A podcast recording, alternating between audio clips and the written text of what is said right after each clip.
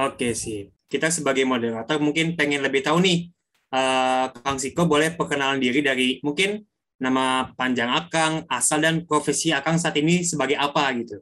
Oke, halo semua, nama saya Siko Setianto. Saya lahir dan besar di Solo, tapi sekarang saya domisili dan bekerja di Jakarta. Saat ini saya masih menjadi penari dan koreografer sekaligus barangkali ya pelatih tari atau coach uh, dance coach. Terus ada plus-plusnya adalah saya sekarang anggota Komite Tari Dewan Kesenian Jakarta. Oke, siap. Nah, mungkin kepada teman-teman juga yang lagi mendengarkan, kita belum memperkenalkan diri dulu juga nih. Jadi, uh, aku yang ngomong ini sekarang namanya Rayhan Akbar Khalil atau biasa dipanggil TB. Dan ada partner aku, silakan. Oke, kenalin semua teman-teman, aku Jihan Kalista uh, yang akan memandu rangkaian podcast kali ini. Oke, nah sekarang mungkin kita lan lanjut aja ya buat berbincang sama Kang Siko gini, oke? Boleh oh. banget nih, Be. Karena pasti udah pada penasaran gak sih? Kayak dilihat tadi penjelasan dari Kak Siko aja udah, wah keren banget sih baru dijelasin singkat tentang Kak Sikonya doang itu belum secara detail. Boleh Be, kita lanjut ke pertanyaan selanjutnya nih Be. Oke, mungkin Kang mau nanya nih, kan akan tadi sebagai berprofesi sebagai pekerja seni di bidang seni tari ya. Nah, mungkin mau nanya sih, apa sih yang buat akan tertarik di apa dunia seni tari ini gitu? Apa mungkin Kang Siko menganggap seni tari itu sebagai wadah pelampiasan emosi, atau mungkin lebih dari sekedar itu gitu? Uh, tari itu menurut saya loh ya, yang yang justru memilih saya, yang menyelamatkan saya. Saya ngerasa di umur yang 9 tahun, saya pikir saya hanya jatuh cinta ke tari gitu. Karena waktu itu ketika diajak pertama kali untuk latihan nari, saya bilang saya nggak mau. Saya selalu dan masih dalam dalam stigma masuk dalam stigmanya tari atau masyarakat memandang tari bahwa tari itu hanya dunianya perempuan. Saya main bola aja. Nama saya Siko, harusnya saya pemain bola karena pemain bola zaman dulu Brazil namanya Zico. Anak uh, timnas Indonesia aja siapa itu belakangnya Zico pakai Z I C O. Nama saya harusnya Z I C O. Tapi karena orang Jawa nggak mungkin dong dan nggak lazim pakai Z dan C dalam nama akhirnya ya nggak apa-apa gitu. Cita-cita saya sebagai olahragawan memang tidak tercapai. Tapi uh, ada mimpi-mimpi baru gitu. Awalnya SMP SMA pengen wah ngeband pengen jadi rockstar gitu. Saya bermimpi untuk menjadi rockstar. Bisanya nyanyi ya udah nyanyi di dalam band. Tapi lama-lama nggak punya duit juga. Nah saya pengen menjadi rockstar di tempat yang lain ya ini tari menjadi menjadi apa ladang saya untuk saya tetap ingin jadi rockstar dengan cara yang berbeda. Dan akhirnya uh, saya pikir media ekspresi dan sebagainya saya nggak ngerti ya. Akhirnya saya nganggap ini bagian dari hidup saya aja. Seakan-akan saya kalau nggak nari mending saya menyelesaikan hidup saya gitu.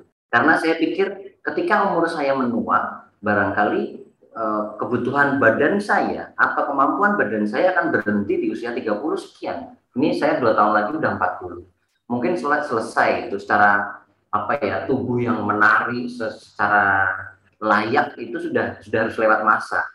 Tapi saya masih bisa ngajar, saya masih bisa bikin koreografi, saya masih bisa menjadi pemerhati, penikmat tari itu sendiri. Jadi saya pikir saya tidak akan pernah ada kata pensiun. Saya akan menari terus sampai benar-benar saya nanti jarang terbang ke mana nggak ya. tahu sesuai ya, ya. lalu melayang ke surga atau apa pun. Barangkali kalau ditanya kehidupan selanjutnya pengen jadi apa? Pengen jadi kupu-kupu oke pengen jadi apa kayak yang selalu moving itu saja. Oke, keren. Uh, kalau yang aku tangkap, berarti Kang Siko ini seperti Kang Siko tadi bilang, uh, Kang Siko bukan memilih tapi mungkin seni tari yang memilih Kang Siko gitu ya. Bisa juga apa saat ini mungkin hidup berdampingan lah, uh, bisa menyelamatkan mungkin tadi kata Kang juga menyelamatkan hidup Kang Siko gitu. Ya. Berarti benar-benar seimpact itu ya seni tari di kehidupan Akang.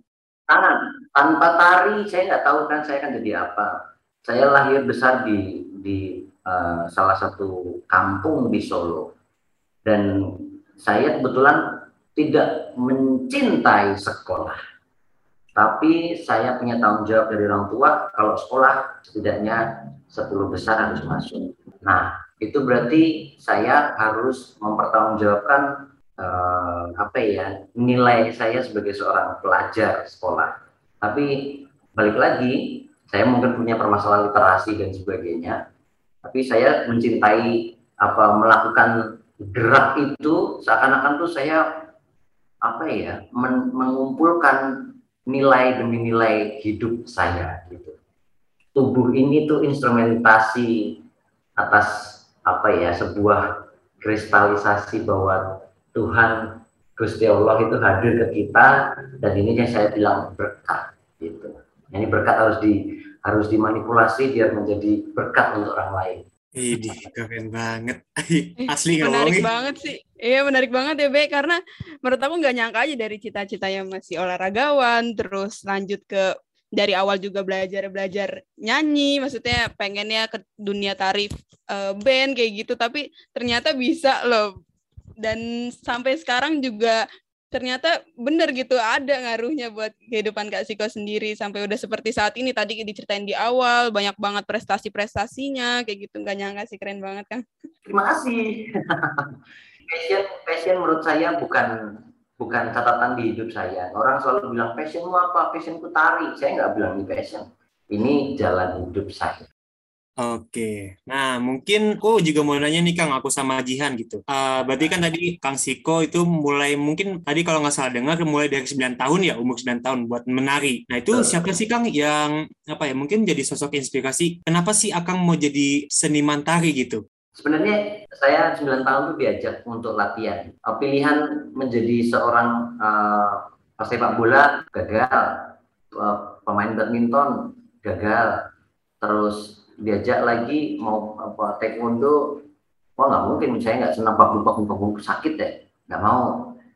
Nari ah tapi saya mau datang gitu. Saya mau datang. Saya datanglah ke ke sana bersama ibu saya saya diantarin ibu saya naik sepeda. Terus kebetulan guru saya rumahnya adalah rumah Belanda kuno.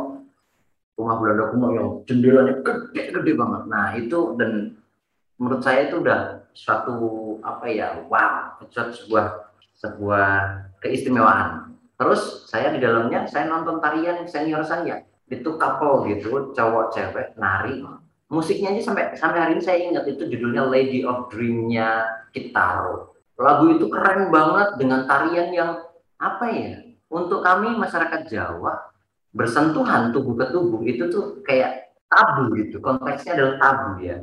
Tapi bagus banget gitu. Jadi saya umur 9 tahun nanti saya oh gitu loh. Apa ya? Bagaimana kalau teman-teman itu merasa kalau jatuh cinta di pandangan pertama? Nah ya gitu. Ah. itu saya. Tapi ketika ditanya si, si kok suka nggak tarian tadi? Tetap saya di gestural tubuh saya saya bilang saya nggak suka. Aneh banget. Tapi itu apa meracuni dan menghantui saya tiga bulan lebih. Saya di sekolah saya teringat terus tarian itu. Saya teringat terus adegannya. Saya bukan karena adegan apa nempel tubuh bergerak bersama bukan. Yeah, yeah. tapi ada nilai yang jauh lebih mulia dari hanya sekedar tubuh yang menempel dan bergerak bersama. Itu. Itu luar biasa. Sampai akhirnya saya mau datang. Saya minta tolong ibu saya lagi untuk datang. Tapi saya memulainya nari. Cuman olah tubuhnya doang dua tahun. Karena semuanya perempuan saya akhirnya cuma olah tubuh tapi saya selalu datang seminggu dua kali. Terus akhirnya apa menurut saya trigger yang terkuat membuat saya tertahan di tari sampai hari ini adalah justru kesakitan-kesakitan kehidupan ini. Karena ternyata kepahitan, patah hati, kerumitan kehidupan, konflik kehidupan itu justru yang menjadi seringnya sumber inspirasi saya dalam melakoni tugas saya sebagai penari ataupun sumber karya-karya saya gitu loh. Jadi saya meng, apa ya meng, mem, memindahkan perspektif problem hidup sebagai materi riset. Wajar nggak sih ya? ya kalau menurutku sih wajar-wajar aja gitu kan. Karena kalau menurutku seni itu interpretasi, interpretasi orang kan pasti beda-beda gitu kan. Kalau menurut aku ya gitu. Pasti pemaknaan mungkin kecintaan terhadap suatu hal di mungkin di bidang seni pasti beda juga gitu orang-orang punya sudut pandang yang berbeda gitu. Iya, okay. benar banget, Be. Tadi juga menarik sih yang dibahas Kak Siko gitu. Jadi ya itulah pembelajaran gitu. Kayak yang dibilangin ya kita harus tahu gitu buat dijadiin pembelajaran selanjutnya gitu. Dan juga tadi berbicara tentang seni yang Kak Siko lihat gitu sampai akhirnya membawa diingatan terus jadinya membuat kayak gimana ya? Ya sudut pandang orang beda-beda lah terkait seni itu. Nah tadi Kak Siko udah berbicara sedikit nih tentang eh bahkan udah cukup ini ya kompleks tentang pengalaman Kak Siko di bidang seni tari sendiri. Dan menurut kita itu jadi uh, buat kita terbuka nih sedikit tentang gambaran seorang pekerja seni tari. Nah, kita masuk ke pengalaman nih Kak Siko terkait ada nggak sih pengalaman yang bikin Kak Siko tuh ngedon gitu dalam dunia tari gitu karena kan pasti ada dinamika yang membuat nggak selamanya seneng lah kalau kita lihat-lihat di apa pun itu konteks pekerjaannya pasti ada aja lah dinamika yang terjadi gitu pasang surutnya terus gimana sih Kak Siko tuh bisa bangkit dan kembali mencintai dunia uh, seni tari lagi? Oh dalam karir perasaan ngedown pasti pernah terjadi gimana? Enggak. Kita kita hari ke hari adalah urusannya adalah uh, selain fisikal tubuh ini bergerak tapi pikiran kita dan hati kita juga harus sinkronis. Dan kita harus pahami manusia ada keterbatasannya. Dalam hal ini saya punya saya berani jujur ke, ke diri saya sendiri. Setiap hari bahwa saya tuh punya punya kelemahan menghafal cepat. Ada teman-teman yang satu hari bisa ngapalin koreografi lima menit deng sekelar gitu. Saya nggak mungkin bisa tapi justru yang saya bahagia adalah bagaimana saya uh, menikmati problem itu. Saat kita tuh ngerasa kayak depres gitu, kayak kita tuh paling belakang di antara 10 penari, kok paling lemah.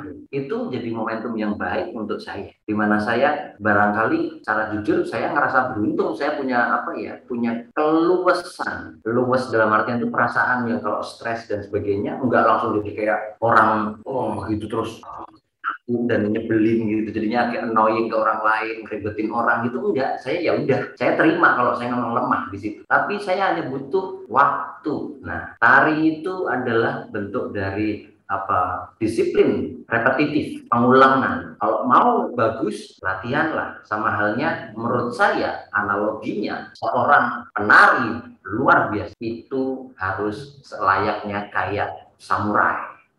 Dia sendiri dengan bakatnya itu bisa digantikan dengan logam yang berkualitas tinggi. Tapi dia harus ketemu dengan empu yang dahsyat. Akhirnya empu dan besi logam ini harus melakukan sebuah perjalanan baru di tempat dan dan dicemplungin ke barat jos dipukul lagi jutaan kali tapi jangan lupa disayang-sayang cemplungin air dipukul lagi, dihajar lagi sampai akhirnya terciptalah satu bilah samurai yang luar biasa. Ini menurut saya tubuh penari seperti itu. Dia nggak bisa hadir selayaknya mekanikal, keras, tanpa feeling, nggak bisa. Karena dia menggunakan feelingnya dan instrumen wadatnya tubuh ini tuh untuk mempengaruhi orang lain itu itu yang yang yang susah dan menurut saya ini ini berlaku untuk seni pertunjukan yang lain baik nyanyi teater apa pun itu yang di sini pertunjukannya.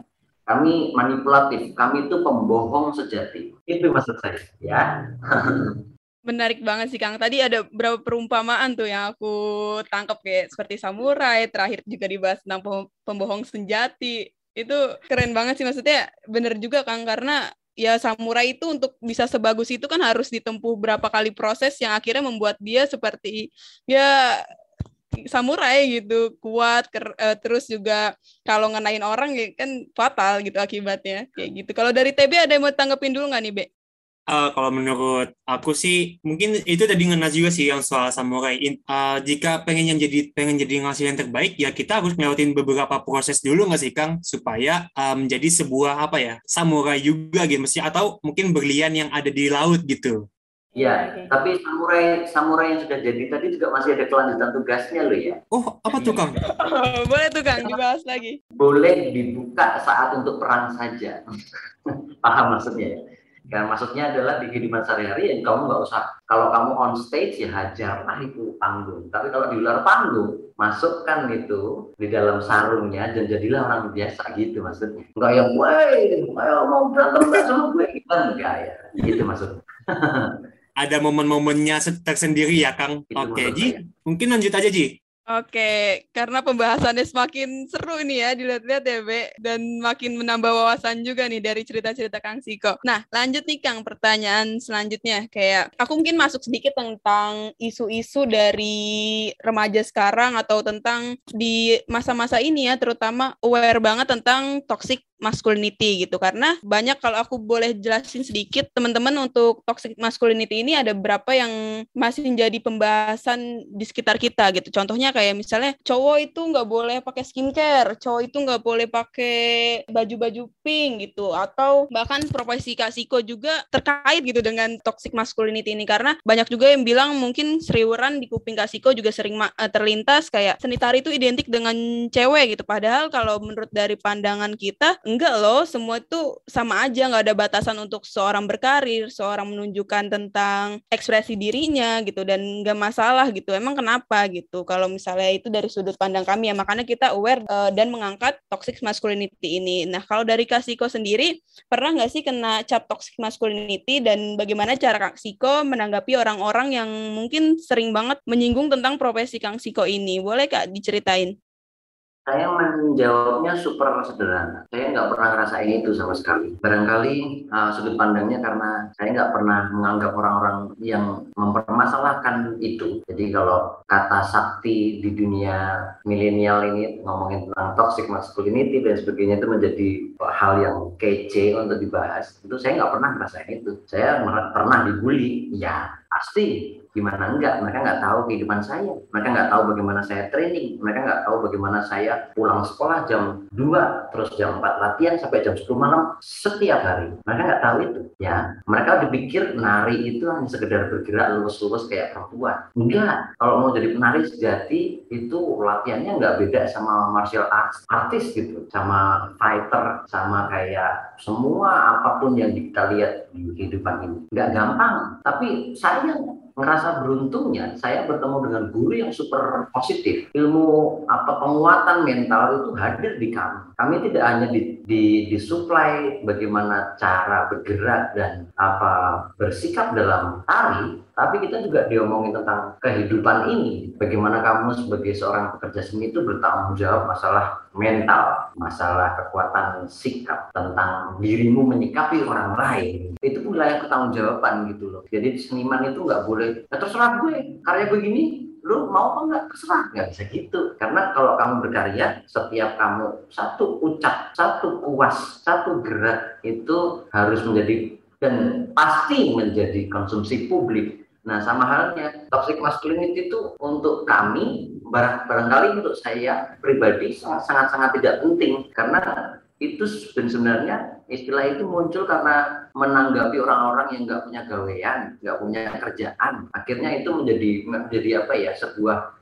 istilah yang wajib untuk ditampilkan. Tapi kalau di profesi saya, sebodoh, saya bilang gitu, itu nggak ada masalah. Kalau mau menanggapi, biasanya ada yang misalnya pengkritik dan sebagainya, tapi saya senangnya saya sudah punya filter di dalam. Oh ini menyakiti saya terlalu dalam, oh ini tidak sama sekali, oh itu saya sudah bisa ngerti gitu. Itu aja ya. Jadi kalau apa tema toxic masculinity itu sangat-sangat populer gitu di, di, di ranah tari terutama terutama di direct message Instagram saya sangat banyak dan banyak jadi saya itu seakan-akan jadi semacam media curhat untuk cowok-cowok lain yang beranjak belajar nari. Saya memahami, mungkin mereka habis nonton tayangan apa yang ada saya, terus akhirnya mereka menanyakan.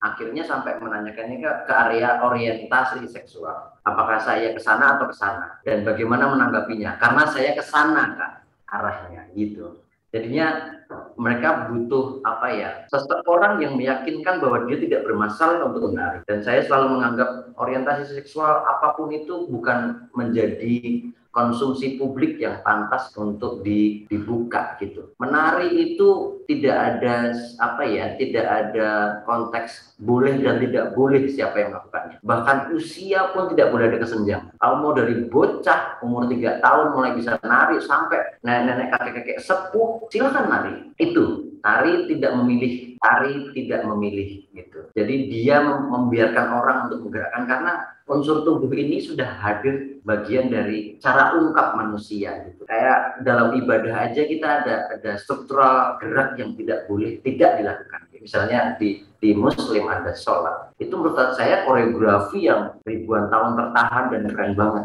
Itu menurut saya koreografi. Dan itu koreografi itu butuh keyakinan, pendalaman. Di Katolik harus ada bikin tanda salib. Di ini harus ada bikin ini. Itu menurut saya apa? Ya itu fungsinya. Gerak itu adalah itu. Gitu. Tari itu sendiri itu media yang tidak perlu dikhawatirkan tentang problem-problem. Barangkali kalau agak nyambung sedikit ngomongin toxic masculinity, nanti akan ada nyambung juga setelah ini ngomongin tentang body shaming.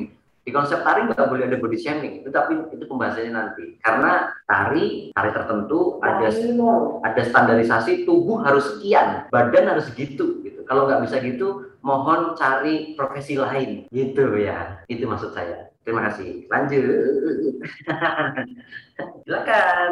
Oke kak, nah eh, tadi aku berapa ada berapa yang notice terkait? Kayak sempet dulu nih kak Siko ada yang dibully gitu, ada berapa orang yang mungkin ya sirik aja lah pasti namanya orang ya punya pendapatnya masing-masing. Terus Kak Siko juga bisa nih ngefilter kayak ya mana yang menyakiti hati gitu, mana yang ya udahlah namanya hidup gitu ya kan ada yang baik diambil, yang buruk ngapain gitu didengerin. Nah, beranjak dari pernyataan Kak Siko itu gimana sih Kak bisa untuk bisa memetakan gitu mana yang harus diambil, mana yang enggak. Terus kayak tadi dibully ya udah biarin aja gitu. Kak Siko selurus itu pandangannya gitu. Boleh diceritain nggak Kak? Ya, uh, barangkali kalau teman-teman penari yang pernah melakukan pelatihannya super berat sampai air mata keluar sendiri karena kaki disuruh nahan di atas gini, itu pasti mentalmu kuat. Ketika mentalmu kuat, ketika pelatihanmu super berat dan kamu tahu manfaatnya apa, hal-hal yang berkaitan dengan nggak penting-penting itu akan mental dengan sendiri. Kamu tuh kayak lokomotif yang berjalan, ya. Jadi kalau mau dilemparin apa, ya udah sebenarnya mau pecah mau apa pun tetap jalan. Ya tetap pecah ya namanya manusia. Kita tetap bisa aja breakdown bah, nangis apa gitu. tapi selagi kita memang tahu bahwa pelatihan itu adalah hal yang majunya ke depan dari Gambir menuju ke stasiun Tugu Jogja ya udah final destination harus tahu ke sana. Nggak perlu khawatir nggak perlu harus um, berhenti sejenak untuk memikirkan kembali gitu. Itu menurut saya berkaitan dengan profesi ya Ketika Anda mau melakukan apa itu, jangan khawatir dan yang pasti adalah berkumpullah dengan orang-orang yang tepat. Nah kebetulan uh, di sanggar saya orang-orangnya menurut saya jauh, oh, luar biasa ya. Orang-orang intelektual, orang-orang kesenian, orang-orang yang luar biasa. Kami di sanggar itu gak diajarin cuma nari, tapi diajarin Konfusius, filsafat Konfusius, uh, prasastra Inggris, ini apa itu bercocok tanam. Setiap penari punya pohon sendiri yang harus di harus ditanam sampai nanti akhirnya besar. Di take care. Kita potongin rumput kita masak apa. Nah itu kan hidupnya tuh super sibuk gitu loh. Kayak seakan-akan kita tuh diajak ngomongin fondasi kehidupan integritas kita kuat kelar. Orang mau ngomongin apa? Hah gitu-gitu ya kelar. Nggak karena dia bisa masuk gitu. Menurut saya ya karena mental kami super strong. Dan itu jadi kampanye saya kalau saya berjumpa juga dengan teman-teman muda di Jakarta saat ini karena saya anggap apa yang saya punya itu legacy dan saya harus meneruskan. Katanya berkat harus menjadi berkat orang lain. Gitu. Oke, Kang. Uh, iya ya, keren. Maksudnya harus ke seperti itu gitu, Kang. Kita nggak bakal bisa maju kalau kita masih dengerin omongan-omongan orang yang mungkin nggak tahu realitanya seperti apa gitu. Nah,